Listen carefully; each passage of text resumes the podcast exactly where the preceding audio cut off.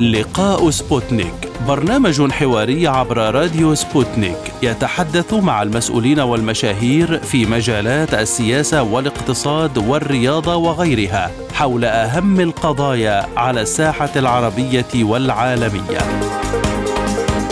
في لقاء سبوتنيك نوجه الأسئلة باسم المستمعين للوصول إلى إجابات على كل استفساراتكم.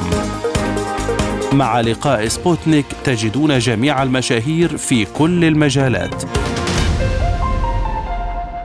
أهلا بكم في هذه الحلقة من لقاء سبوتنيك معكم فيها عبد الله حميد وأحمد أحمد.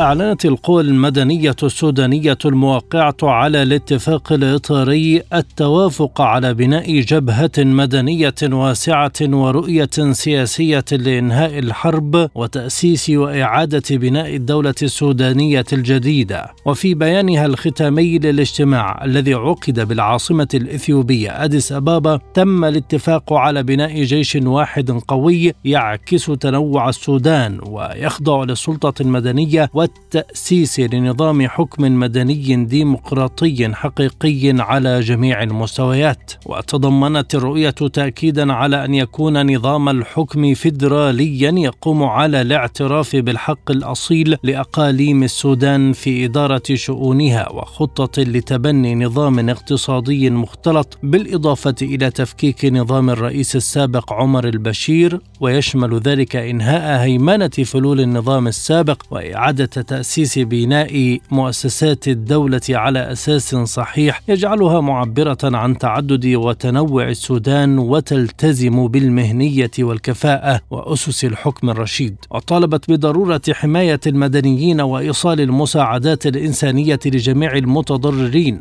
ووقف جميع أنواع الانتهاكات وإجراء تحقيق مستقل حولها مؤكدة استمرار تواصلها مع حكومات دول الإقليم ومخاطبتها بشأن المزيد من الدعم والمساعدة لتخفيف معاناة السودانيين الفارين من الحرب. وتتواصل منذ أكثر من أربعة أشهر اشتباكات عنيفة وواسعة النطاق بين قوات الجيش السوداني وقوات الدعم السريع في مناطق متفرقة من السودان. تتركز معظمها في العاصمة الخرطوم مخلفة المئات من القتلى والجرحى بين المدنيين. وظهرت الخلافات بين رئيس مجلس السيادة السوداني وقائد القوات السودانية عبد الفتاح البرهان مع قائد قوات الدعم السريع محمد حمدان دقلو للعلن بعد توقيع الاتفاق الإطاري المؤسس للفترة الانتقالية بين المكون العسكري والمكون المدني في كانون الأول ديسمبر الماضي الذي أقر بخروج الجيش من السياسة وتسليم السلطة للمدنيين. واتهم دقلو الجيش السوداني بالتخطيط للبقاء في الحكم وعدم تسليم السلطة للمدنيين بعد مطالبات الجيش بدمج قوات الدعم السريع تحت لواء القوات المسلحة بينما اعتبر الجيش تحركات الدعم السريع تمردا ضد الدولة.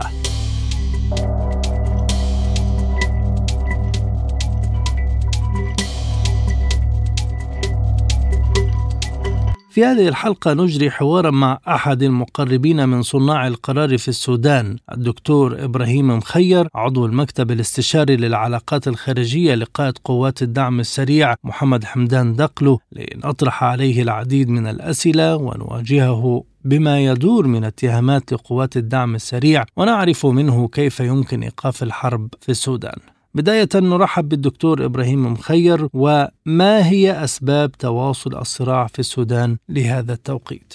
شكرا جزيلا لسبوتنيك للاستضافة وأرجو أن أكون مفيدا لك ولمستمعيك. أسمح لي أن أختص سبوتنيك بتفصيل السبب الحقيقي وراء الحرب في السودان اليوم. السودان مقبل على تغيير حقيقي والدافع الحقيقي وراء هذا التغيير هو إدراك السودانيين للسياق التاريخي الذي أوصلهم وأوصل بلادهم للاحتقان السياسي والانهيار الاقتصادي الذي يعيشون أي إدراكهم لجذور الأزمة التي حلت في بلادهم.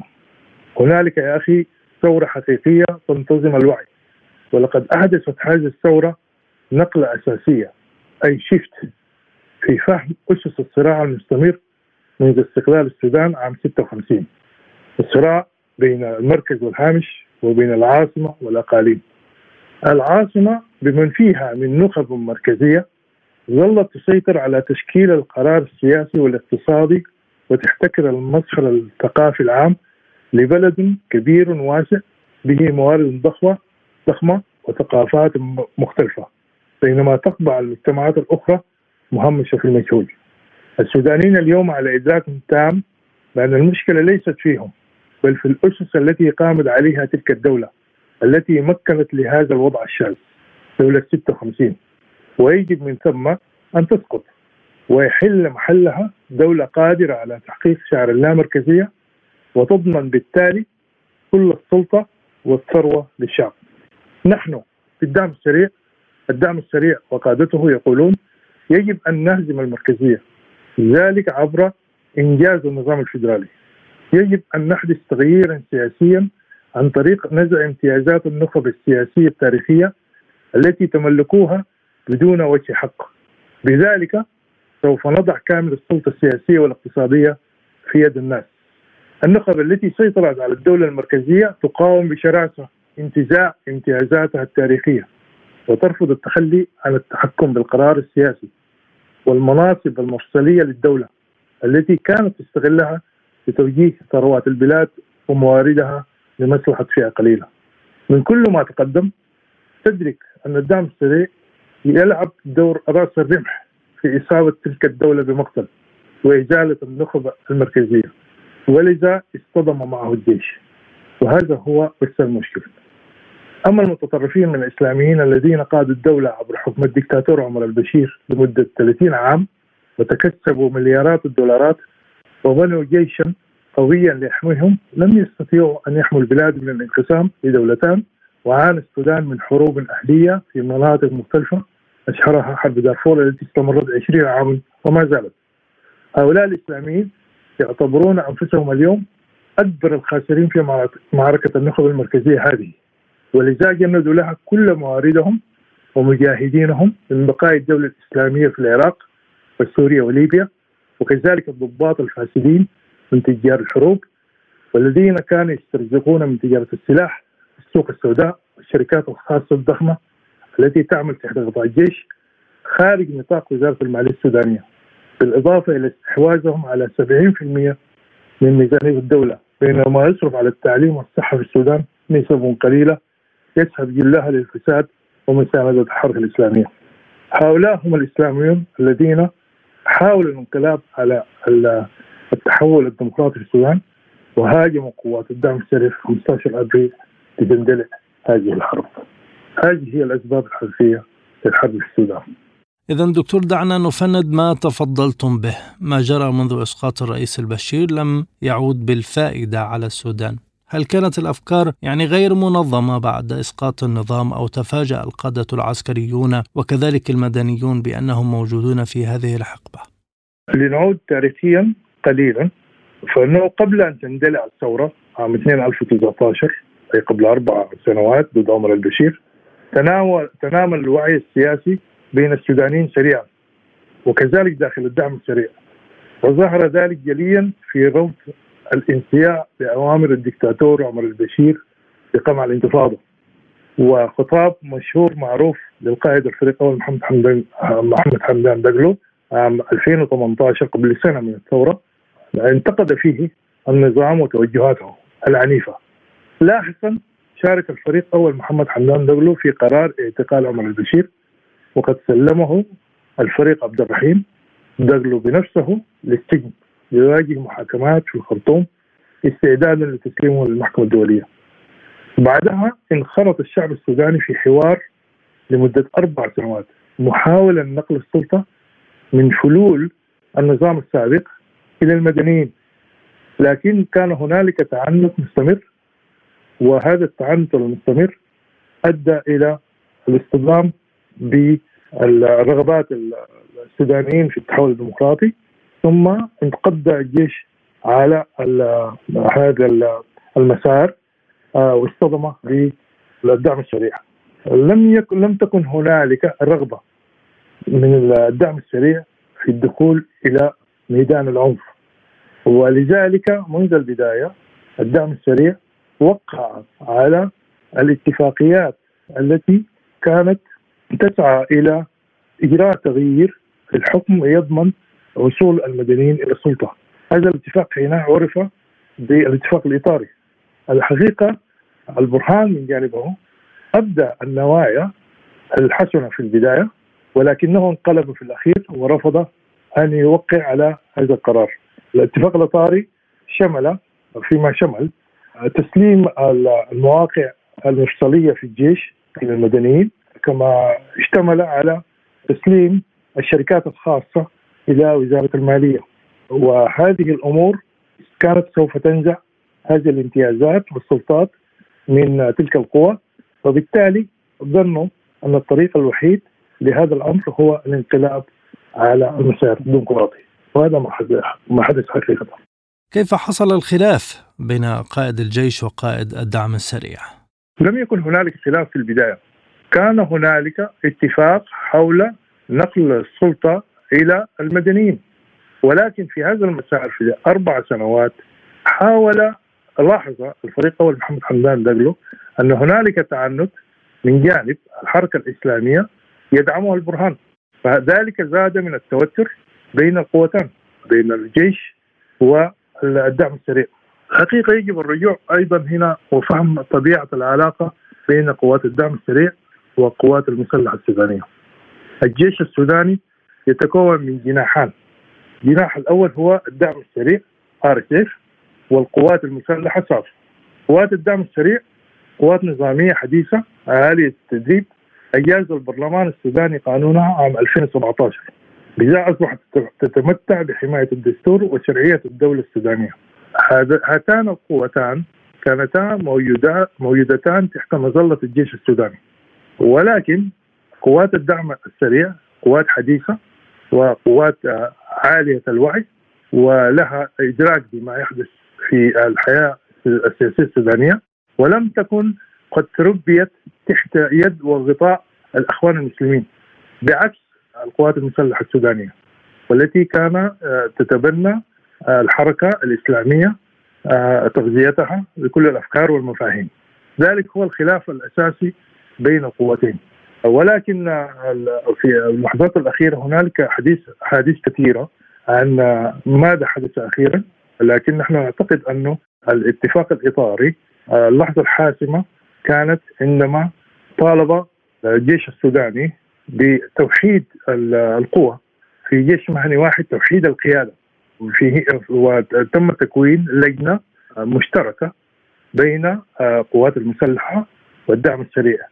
وتم الاختلاف حول قيادتها. الدعم السريع قال إن هذه اللجنة يجب أن يقودها مدني بينما طالب الجيش السوداني أن يقودها أحد ضباط القوات المسلحة.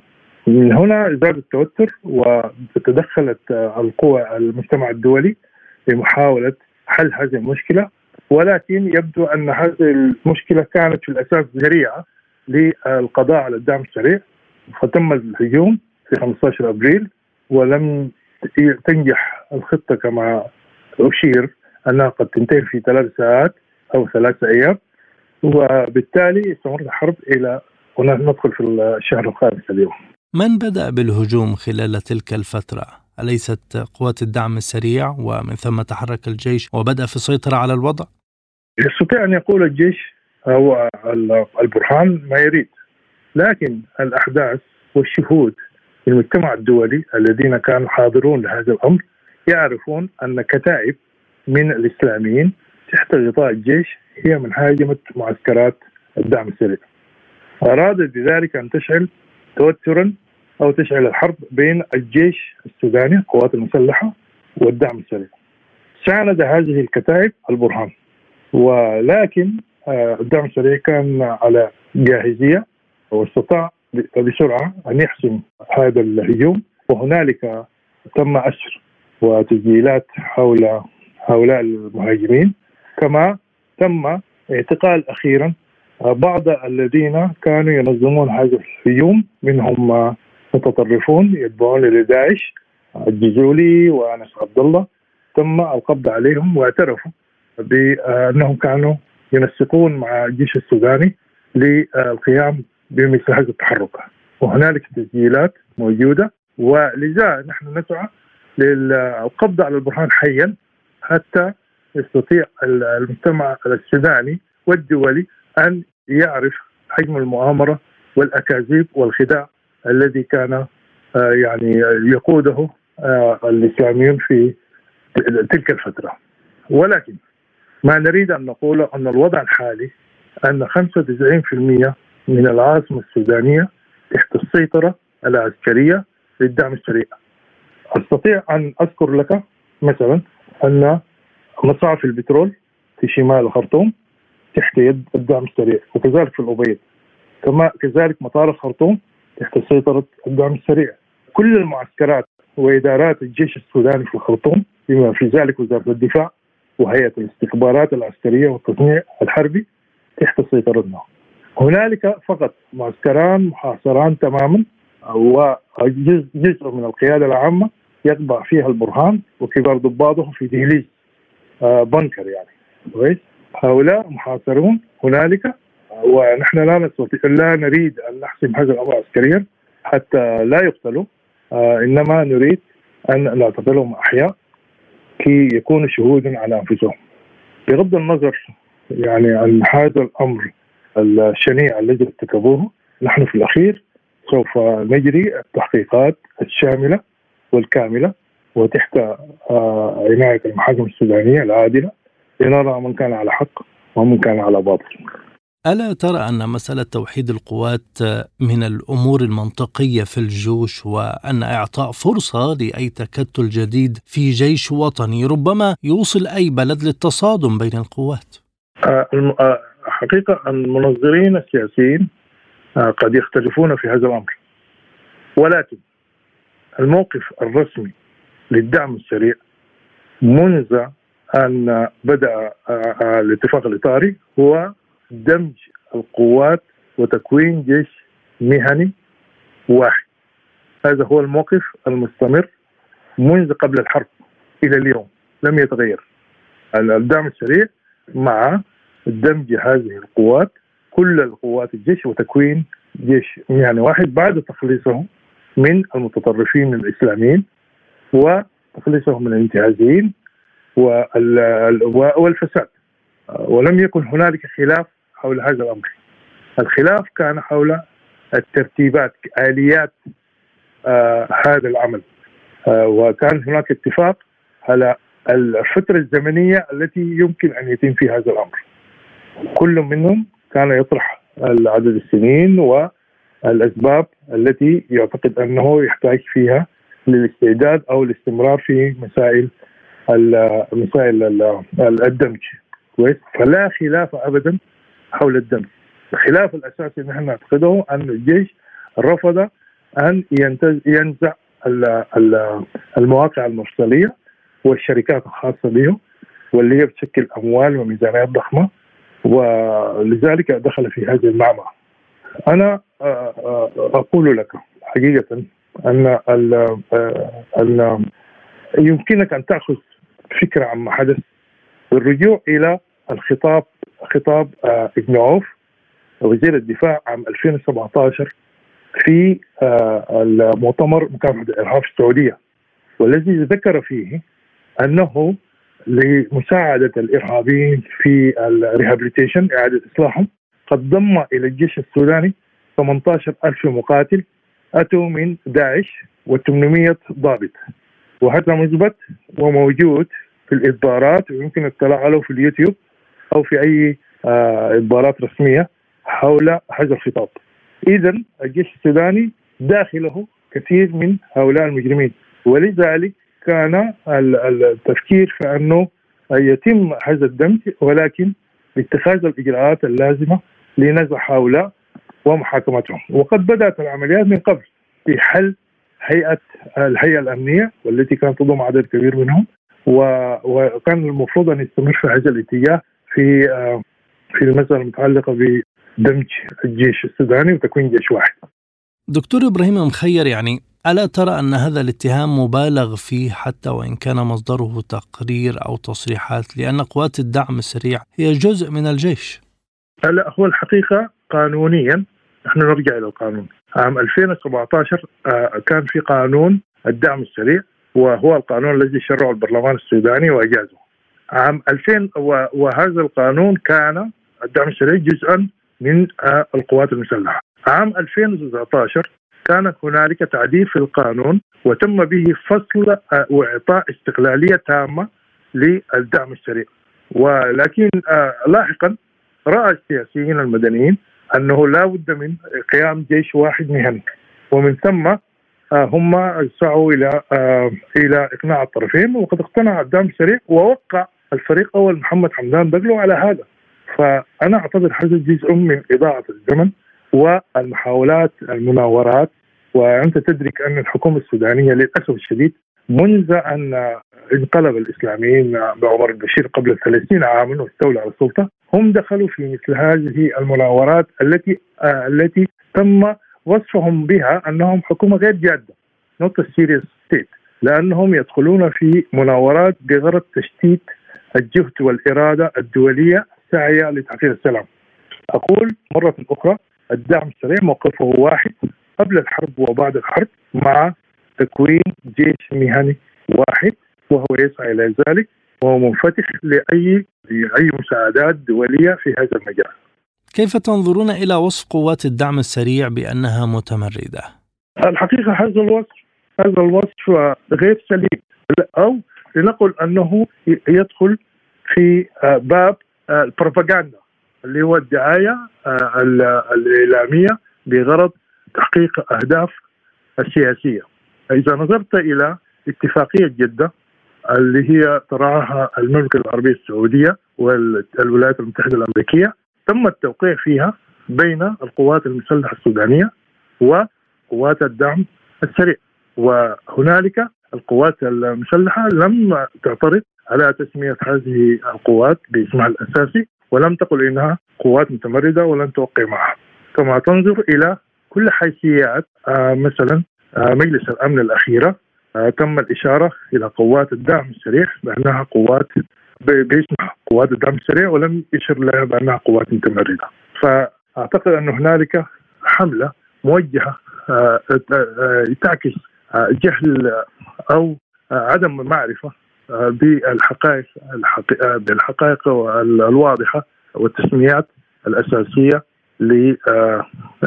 للقوات هي كما قلت تصب في يعني بالدعايه المضادة ضد ضد الدعم السريع ومحاولة تشويه صورته. دكتور يعني تحدثتم عن النظام الفيدرالي الذي هو جزء من مشروع الدعم السريع، النظام الفيدرالي ألا يعتبر تقسيما جديدا للبلاد؟ الحقيقة ليس للدعم السريع مشروع سياسي لأنه قوة عسكريه هو قال أنه فاسيليتيتر أنه سوف يهيئ للسياسيين السودانيين أن يجلسوا مع بعضهم البعض في أمان لكي يرسموا طريق المسار المسار الديمقراطي للبلاد وتحقيق الحكم الفيدرالي وهي الرغبة التي عرضها السياسيين من قبل قبل الحرب فبالتالي هو ليس مشروع الدعم السريع إنما مشروع السودانيين عموما والدعم السريع من آه، يلعب دور يعني فاسيليتيتر نحاول لتسهيل تحقيق هذا الأمر في أجواء آمنة. ف آه، لكن النظام الفدرالي في السودان آه، نظام يعني الناس كانوا يسعون له من قبل حتى حتى في زمن عمر البشير ولكن لم يكن يحقق في صوره حقيقية. إنما كان عبارة عن ترميز تضليلي أي تنطق بأسماء ولكن لا تحقق حقيقة ما يجري مضامينها. كما يقولون الديمقراطية ولكن لا يحققون مضامينها عبر تزوير الانتخابات أو آه، آه، آه، تزوير الإحصاءات حول الناس. فهو ما حدث نحن نعتقد أنه النظام الفيدرالي كالسوداني سوف يحقق للسودانيين نوع من أنواع التمكن من اتخاذ القرار السياسي والاقتصادي وتنمية مجتمعاتهم في كافة أنحاء السودان. دكتور إبراهيم مخير وأنتم عضو المكتب الاستشاري للعلاقات الخارجية في الدعم السريع، ما هي رؤية قوات الدعم السريع للوضع الميداني بعد أربعة أشهر من بداية الحرب؟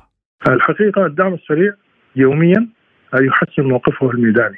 الآن كل كردفان ودارفور وهي المناطق الأغنى في السودان ومن حيث الثروات والموارد البشرية والطبيعية وهي تحت سيطرة الدعم السريع. كذلك جزء كبير جدا من الاقليم الأوسط والعاصمة المثلثة تحت سيطرة الدعم السريع وهنالك أجزاء من ولاية الجزيرة كذلك آه وهي ولاية غنية بمشروع الجزيره المعروف قومي تحت سيطره الدعم السريع. يوميا ينضم للدعم السريع كثير من شرفاء الجيش السوداني. نحن كما نقول نحن لا نقاتل من أجل أن نقضي على الجيش السوداني لأن نحن نقاتل لكي ننتزع الرموز الفاسدة والإسلاميين المتطرفين من الجيش السوداني. بالتالي نحن دوما في حالة من الدعوة المستمرة لشرفاء الجيش السوداني للانضمام لقضية الدعم السريع وهناك الكثير من ال من ال من ال هؤلاء الضباط والجنود ينضمون بالمئات إلى الدعم السريع. كذلك هنالك كثير من المكونات المجتمعية المختلفة في السودان تنضم يوميا إلى صف الدعم السريع. اخر القوات الكبيرة التي انضمت إلى الدعم السريع قوات درع السودان والتي أتت من أوساط السودان من أرض البطانة وهي أرض متاخمة لولايه من حمل الولايات في السودان وانضموا بالمئات إلى الدعم السريع. نحن لا نستهدف القضاء على الجيش السوداني إنما نستهدف أن نقضي على الاليمنتس العناصر الفاسدة وكما قال الفريق اول محمد حمدان دقلو في اخر في آخر ظهور له أنه أن إذا تم القبض على البرهان وزمرته فسوف يتم الاتفاق مع القوات المسلحة ويتم الوصول إلى حل حاسم ونهائي في خلال ثلاث أيام فقط للحرب في السودان. على الأرض هناك معطيات معاكسة لما تنشره قوات الدعم السريع وربما منطقية الوضع تكون أقرب للمتابع نظرا للعتاد الذي يملكه الجيش، كيف تقرأ هذه النقطة؟ اولا الجيش السوداني ترك الاسلاميين والضباط الكبار ما عدا الذين يخضعون في الدهليز القياده العامة الخرطوم هاربين إلى الشمال. الدعم السريع سيطر على مصنع اليرموك. ومصنع اليرموك هو أكبر مصنع للأسلحة في أفريقيا. وكذلك سيطر على جميع المخازن التي كانت موجود فيها الأسلحة في للقوات المسلحة في الخرطوم. والجيوش الدعم السريع والقوات المسلحة كانوا في حالة استعداد. اي كانت هنالك كميات أكبر من اضخم من الأسلحة موجودة داخل الخرطوم. فبالتالي لا لا مشكلة لدينا في ناحية ناحية الأسلحة. الآن قرابة ال 60 متحرك من المنشاه حاول القوات المسلحة أن تدخلهم إلى الخرطوم وتم تهزيمتهم واسر أعداد كبيرة. نحن لدينا أكثر من 25 ألف أسير ولدينا أكثر من 450 ضابط أسير برتب كبيرة من لواء وعقيد وغيره موجودين في الأسر يعملون بصورة جيدة. حسب القوانين الدولية والإنسانية ومعاهدة جنيف ووثيقه الحقوق الإنسان. هؤلاء موجودون الآن في الأسر. في المقابل الجيش السوداني يستعمل الطيران والطيران لأنه الطائرات كما هو اعلن بنفسه هناك مشاكل فنية فالطيران غير دقيق في الإصابة وقد أصاب قبل يومين 20 مواطنا قتلوا في الخرطوم وكذلك يستعمل الفرق الاغتيال وفرق الاغتيال هذه أو يسمى بالفرقه الخاصة تثير الفوضى والرعب داخل العاصمة حيث يستهدفون الأسر أسر يقولون أن يستهدفون أسر ضباط الدعم السريع وهذا الأمر داخل المناطق السكنية. كذلك يستعملون المجرمين، نحن نعرف أنه القوات المسلحة السودانية في بداية الأزمة فتحوا السجون وأطلقوا 31 ألف مجرم خطير مرتدي الجريمه بينهم مجرمين محكوم عليهم بالإعدام. هؤلاء انتشروا أيضا في الخرطوم. كل هذه الأمور صعبت مهمتنا في البداية السيطرة عليها لكن في الحقيقة نحن الآن في مناطقنا آه، زدنا من الشرطة العسكرية كذلك تمكنا من آه، تحقيق آه، يعني فتوحات كبيرة في القبض على مجرمين كثر عن طريق الفريق محمد حمدان دقلو كان كون اللجنة لمكافحه الظواهر السالبة والانتهاكات. كذلك كونا قوات لحماية الممتلكات والأفراد. كل هذه القوات تعمل داخل المناطق التي نسيطر عليها للتحكم في الجريمة والقبض على المجرمين والمتفلتين من آه، الذين سببت فيهم الحرب أو الموجهين من القوات المسلحة لإثارة الفوضى المنظمة الفوضى الخلاقة داخل الفوضى العارمة داخل مناطق السيطرة. إلى أي وضع سيقود إصرار كل طرف على إنهاء الأزمة عسكريا؟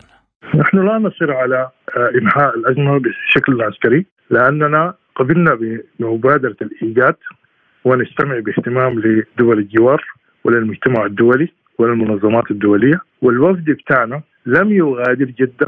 منذ أن قبلنا بمبادرة جدة لحماية المواطنين. هذه بينما كان الوفد الوفد الحكومي يراوح ويعاند ويتقدم بمطالب منها فتح فتح ممرات آمنة لاغاثه البرهان أو زمرته متجاهلا حاوية المواطنين. كذلك لم يتوقف عن القصف بالطيران والمدفعية الثقيلة من البعد بعد أن فقد جميع المشاة المحترفين هو الآن يستنفر المواطنين العاديين ويطالب المواطنين بالقيام بمهام الجيش.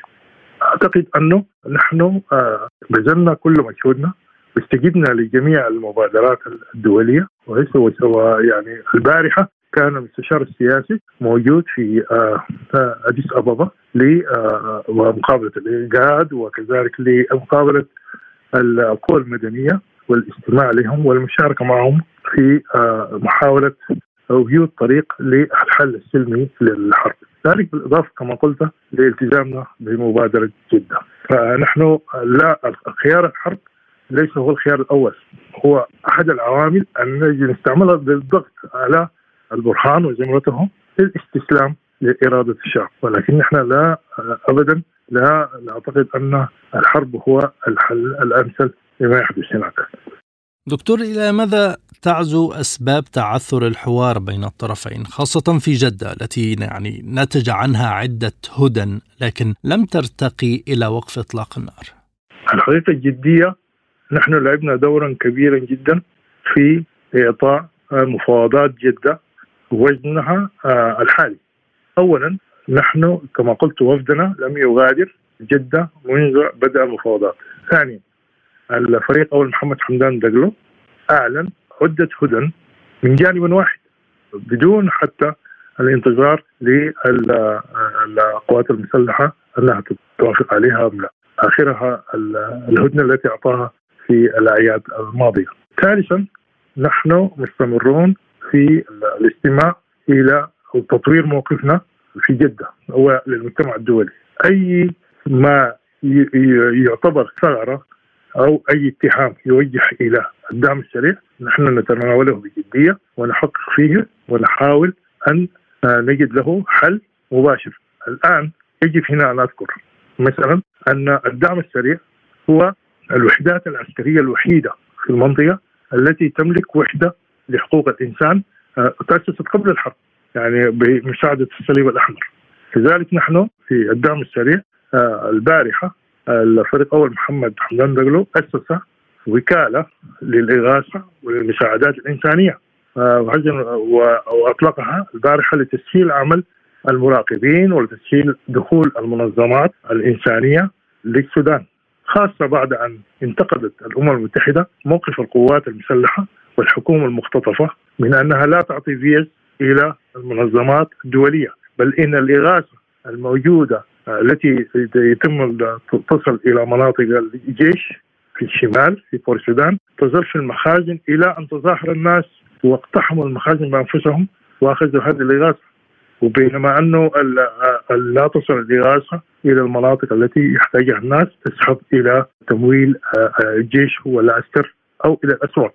كل هذه الممارسات نحن نحاول بقدر الإمكان أن نتخذ الخطوات التي تخفف من معاناة السودانيين. أنا أعتقد أنه الآن مفاوضات جدة سوف تستمر ونحن الآن نعمل على توحيد جميع المبادرات عن طريق عن طريق جدة بحيث يكون نحاصر هذه الفوضى التي يريد أن يخلقها النظام السابق. هل يملك الدعم السريع ميزانية كبيرة حتى يقوم بكل هذه الخطوات سواء عسكريا أو إنسانيا من خلال وكالة الإغاثة؟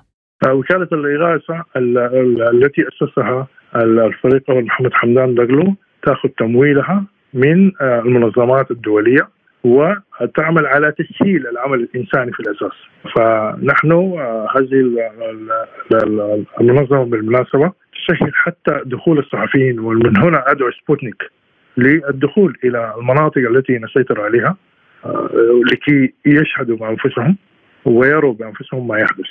نحن نحاول بقدر الإمكان بقدر من الإمكانيات الموجودة عندنا انه نساعد في تخفيف المعاناة الإنسانية التي يعانيها السودانيين. وهذا الأمر بدأ منذ منذ الأيام الاولى من المعركه الدعم السريع هو من فتح الباب للدبلوماسيين الأجانب السودانيين في بداية المعارك للخروج من مناطقهم بأمان بدون إصابة أي واحد منهم بطلق واحد إلى خارج السودان. إذا لم تكن لدينا رغبة لم لم يكن ليخرج أي أحد منهم. اليوم نعمل على نفس العمل تسهيل خروج السكان من المناطق التي يتعرضون فيها إلى خطورة العمليات الحربية. لكن نطلب من المجتمع الدولي أن يضغط في اتجاه أن يوقف البرهان القصف الجوي. هذه مشكلة حقيقية لأنها لا تميز بين الجنود والمدنيين وخاصة أن الجنود دائما يكونون محصنين ويعرفون كيف يتعاملون مع هذه الطلعات بينما يكون المدنيين يعني يشهدون مثل هذه كيف يتصدون لهذه الطلعات الجوية.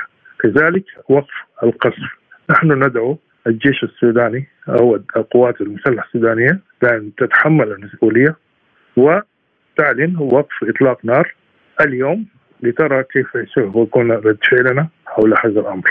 هل توجد نوايا للحلول من الطرفين بوقف إطلاق النار اولا والذهاب للتفاوض ثم إنهاء الأزمة؟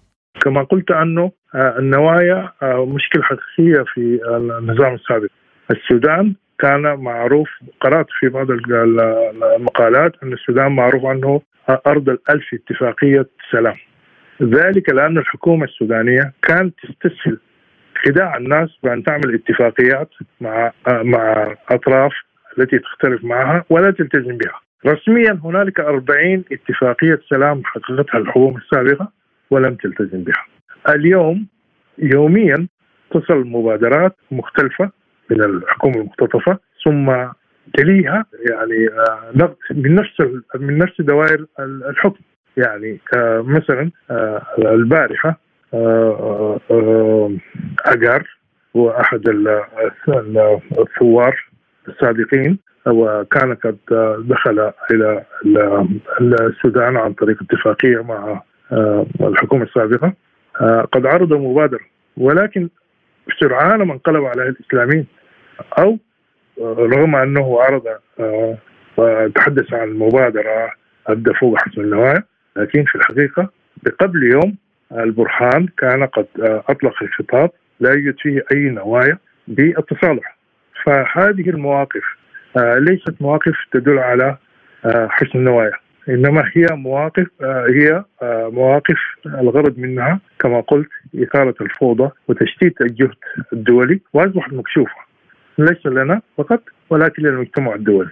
المجتمع الدولي متجه في اتجاه واحد هو تحقيق السلام في السودان حماية المواطنين ثم إفشال الإغاثة ثم الاتجاه لحل سياسي عام. وهذا هو نفس اتجاهنا. لكن لا أرى أي حسن نوايا من اتجاه الحكومة المختطفة أو البرهان في هذا الأمر.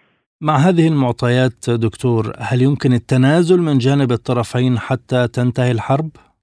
التنازل عن ماذا؟ هناك قضية حقيقية متعلقة كما ذكرت بجذور الأزمة السودانية أنت لا يمكن أن تترك فئة قليلة تسيطر على موارد وثروات البلاد وكذلك كما لا يمكن أن تتخلى عن المسار الديمقراطي في البلاد فلا أرى أن هنالك يعني أمر يمكن التنازل عنه في هذه المبادئ. أنا أعتقد أنه أنه البرهان سوف يستسلم. هو الآن محاصر ولوجستيا لا يملك الكثير من الوقت لكي يظل في آه هذا الوضع. ما أراه أن البرهان سوف يستسلم. ذلك لأنه لا يملك الكثير من الإمكانيات اللوجستية للبقاء في هذا الدهليز نحن آه قلقون من تحركات الإسلاميين. خاصة المطلوبين دوليا هنالك أحمد هارون مثلا موجود في آه منطقة كسلة وهو يجند في ويستنفر في المواطنين الأبرياء. وهنالك بعض الإسلاميين الذين هربوا من السجون عندما تم إطلاق سراحهم منهم المتورطين في عمليات اغتيال ل آه، آه، يعني خط دبلوماسيين أجانب. وهؤلاء أيضا انضموا لمعسكرات في مناطق مختلفة من السودان. هؤلاء لا أمل لهم في الخروج من السودان لأنهم مطلوبين دوليا مثل عمر البشير. فهؤلاء قد يقاتلون إلى النهاية وهذا قد يطيل أمد الحرب قليلا ولكن سوف ننتصر عليهم أخيرا إن شاء الله.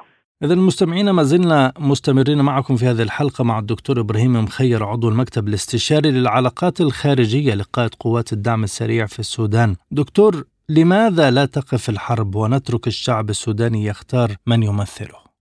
الشعب السوداني الآن والقوى المدنية الآن كما قلت لك البارحة موجودة في أديس أبابا في الاتحاد الأفريقي.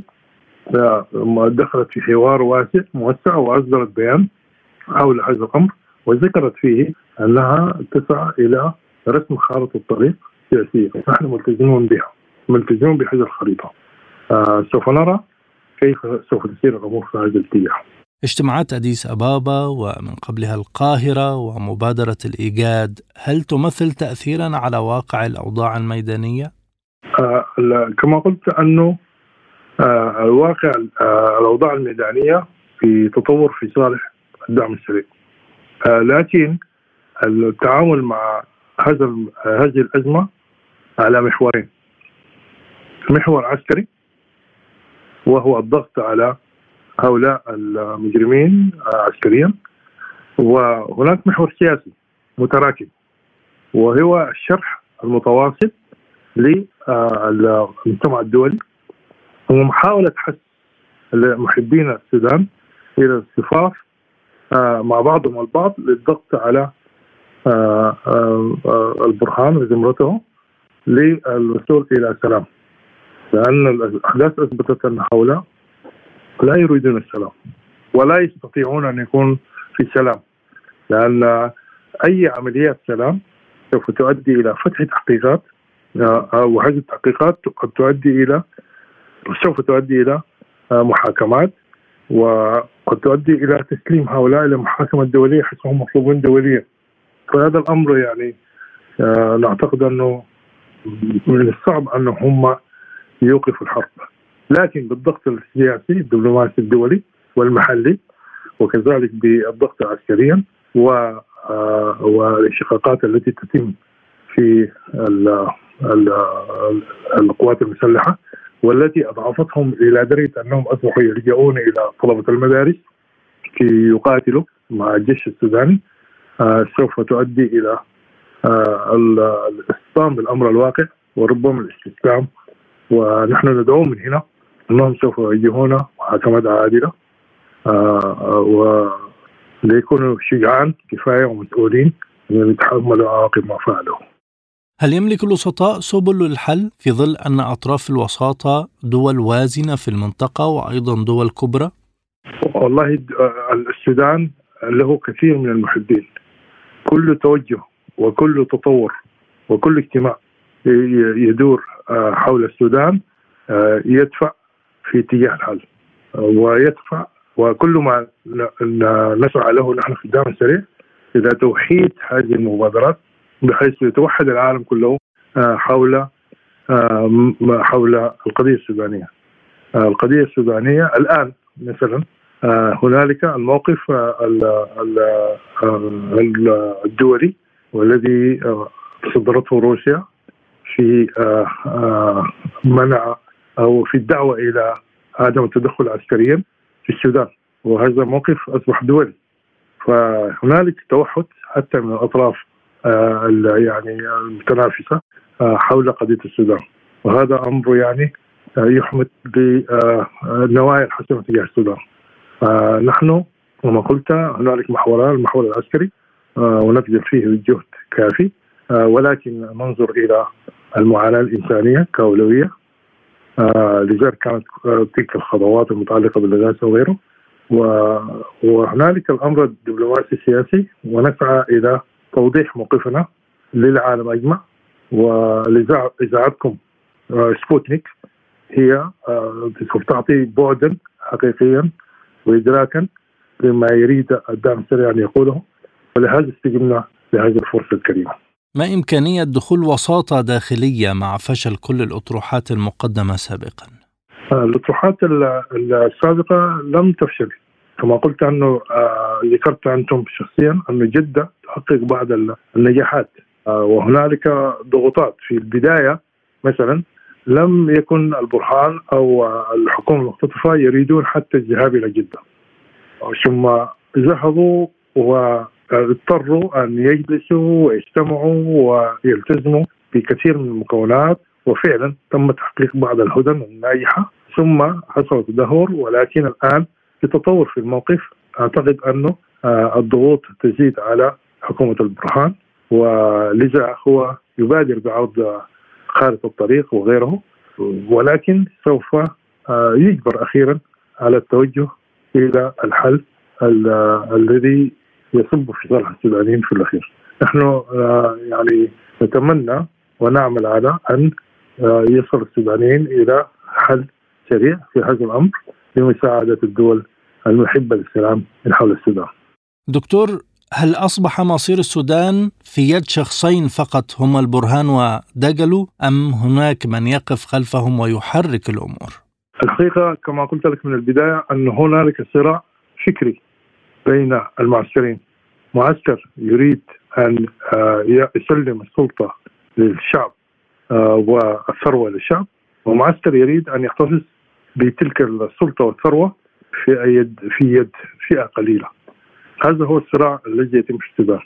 لذلك السودان سوف ينهض بعد القضاء على هؤلاء المجموعة البسيطة وتتوحد الأفكار آه وسوف ينطلق السودان بقوة. الدول الأخرى يجب أن تنتبه لهذا الأمر. السودان سوف يكون مجالا مفتوحا للاستثمار وللإعمار وللاستفادة المتبادلة والاستفادة المتبادلة بين السودانيين وغيرهم من الدول لذا هذه اللحظات هي التي سوف تحدد من يقف آه، قلبا وقالبا مع السودان ومن يتمنى أن ينهار السودان ويظل دولة متخلفة تعيش في القرن الماضي تحت حكومة آه، إسلامية متطرفة. نحن آه، نرجو من السياسيين في الدول الأخرى وخاصة صناع القرار أن يعيدوا التفكير ويفكروا بدقة فيما يحدث حقيقة في السودان. هو ليس صراع عسكري بين أفراد وليس صراع شخصي. هو صراع فكري بين قوة جديدة متحركة وقوة مضى وعفى عليه الزمان. السودان يملك إمكانيات ضخمة وسوف يتحرك إلى الأمام.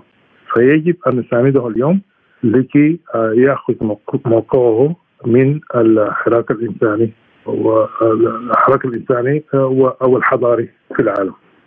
بغير هذا آه، سوف يظل في السودان دولة تدعو للإرهاب آه، تهدد جيرانها. النظام عمر البشير حاول اغتيال حسني مبارك هربوا الأسلحة إلى مصر ساهموا في تخريب أسلحة في لداعش آلاف السودانيين الطلبة تم تفضيلهم وسافروا ليقاتلوا في ليبيا وفي سوريا وفي العراق. وتسببوا في كوارث كبيرة جدا أدت إلى فصل أكبر دولة في السودان أكبر دولة في أفريقيا إلى دولتين. وانهارت كل المؤسسات الصحية والتعليمية. أما هذا وإما المستقبل الظاهر الوارف لدولة تستطيع أن تساهم مع جيرانها في نهضة في نهضة المنطقة. ما سيناريوهات الوضع القادم؟ وهل تتوقع استمرار الحرب بدون سقف مع توسع دائرتها في مناطق مختلفة بما فيها دارفور؟ يوميا يزداد السودانيين وعيا وإدراكا بقضيتهم. ونتيجة لهذا يوميا ينضم إلى ركب الدعم السريع الآلاف من السودانيين يمثلون مكونات مجتمعية وثقافية واقتصادية وجغرافية مختلفة. نحن نعتقد أن الحرب سوف تتجه إلى نهاياتها آه، في القريب العاجل. هذا القريب العاجل آه، لا نستطيع أن نضع له فترة زمنية ولكن سوف يصب في مصلحة الفكر الجديد الذي يود أن ينقل السودان إلى الأمام. لا أرى السودان يعود إلى الخلف أبدا. آه نحن متفائلين آه ونتمنى من الدول المحبة للسودان أن تتماسك وللسودانيين أن يصبروا ويتماسكوا في هذه المرحلة الخطيرة وللجيران السودانيين أن يفهموا أن أنها فرصة للمساهمة في بناء السودان يستطيع أن يكون مفيدا لجيرانه لنفسه أولا ثم لجيرانه بدون أن يسبب لهم الآلام والأحزان خذ عندك مثلا مصر. هنالك خمسة مليون لاجئ قبل الحرب. نتيجة للممارسات المهينة للدكتاتورية التي آه، تمكنت عبر القوات المسلحة. آه، وهنالك الآن تقريبا 2 مليون نزحوا إلى مصر. يشكلون عبء كبير جدا جدا آه، على المصريين. فهذا الوضع لا يمكن أن يستمر. لا بد أن يساهم المصريين مع السودانيين وكذلك آه، مع السودانيين في آه، ايجاد حل آه، دائم لهذه المشكلة. أنظر أيضا إلى تشاد 300 ألف قتلوا في نظام عمر البشير و2 مليون نزحوا إلى تشاد وهكذا في كل الدول حولنا.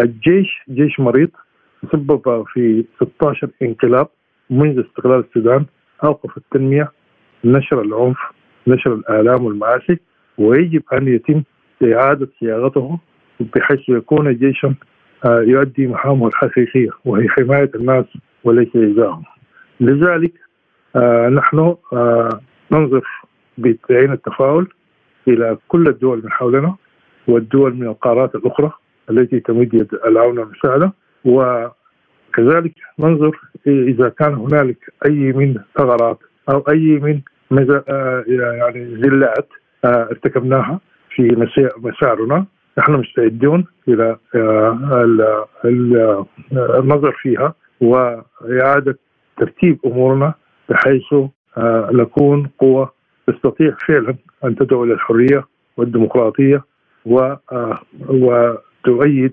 وتثبت حقوق الإنسان في هذه المنطقة وتساهم في استقرارها.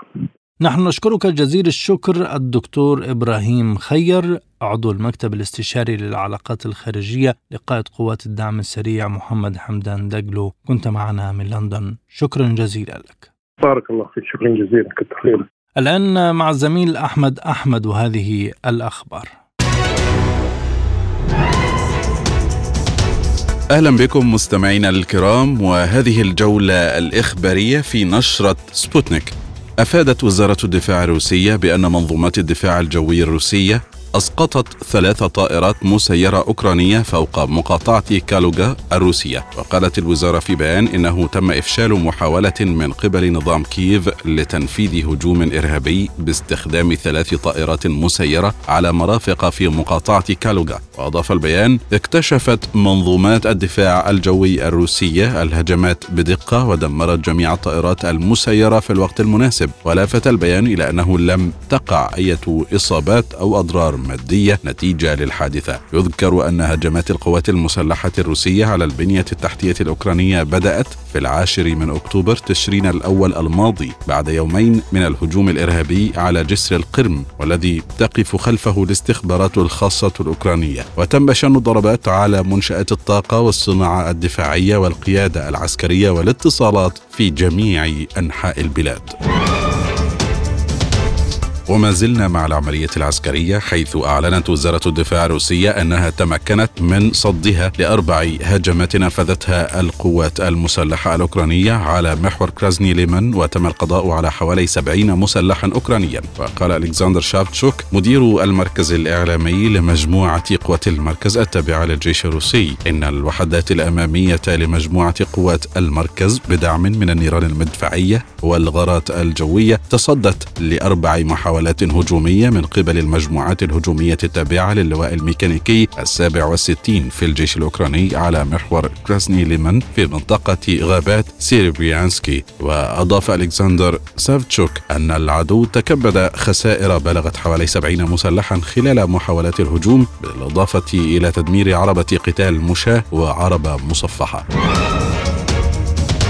نفى الجيش الأمريكي ما تداولته وسائل إعلام ومواقع التواصل في العراق حول وجود تحركات عسكرية لقواته في البلاد. ونقلت وسائل إعلام أمريكية عن متحدث بوزارة الدفاع الامريكيه البنتاغون القول إنه لم يحدث أي تحرك من هذا القبيل في الأيام القليلة الماضية سواء داخل العراق أو في اتجاهه. ووفقا لمتحدث البنتاغون فإن مقاطع الفيديو التي انتشرت والتي تظهر قوافل تزعم أنها أمريكية لا تمت للجيش الأمريكي باي صلة. وكانت قد تداولت مؤخرا في العراق أنباء ومقاطع فيديو تزعم وجود تحركات عسكرية أمريكية في البلاد يذكر أنه في السبت الماضي نشر الجيش العراقي مضادات جوية على أسطح البنايات الحكومية في مناطق بالعاصمة العراقية بغداد ما أثار جدلا في أنحاء العراق.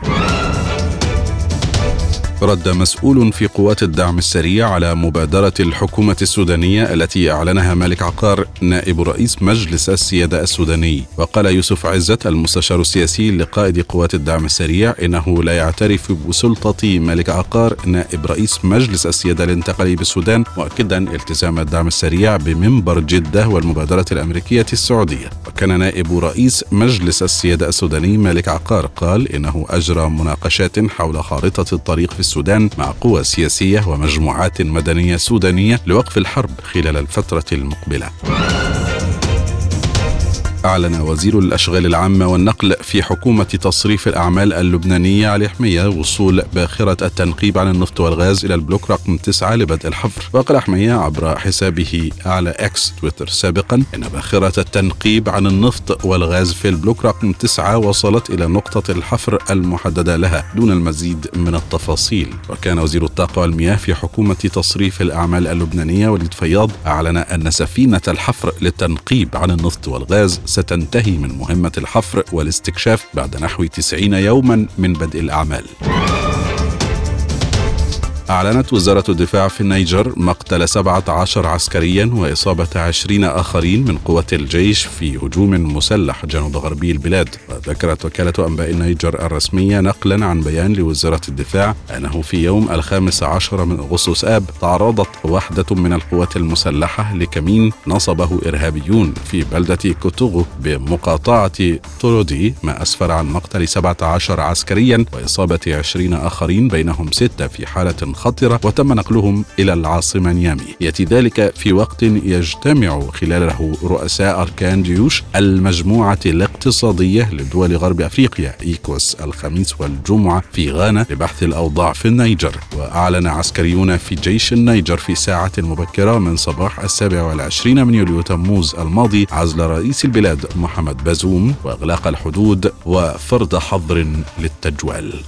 إلى هنا مستمعينا الكرام نكون قد وصلنا وإياكم إلى خاتمة هذه الجولة الإخبارية وبالتالي ختمت هذه الحلقة من برنامج لقاء سبوتنيك. نتوجه بالشكر الجزيل لحضراتكم زميلي عبد الله حميد وأنا أحمد أحمد. إلى اللقاء.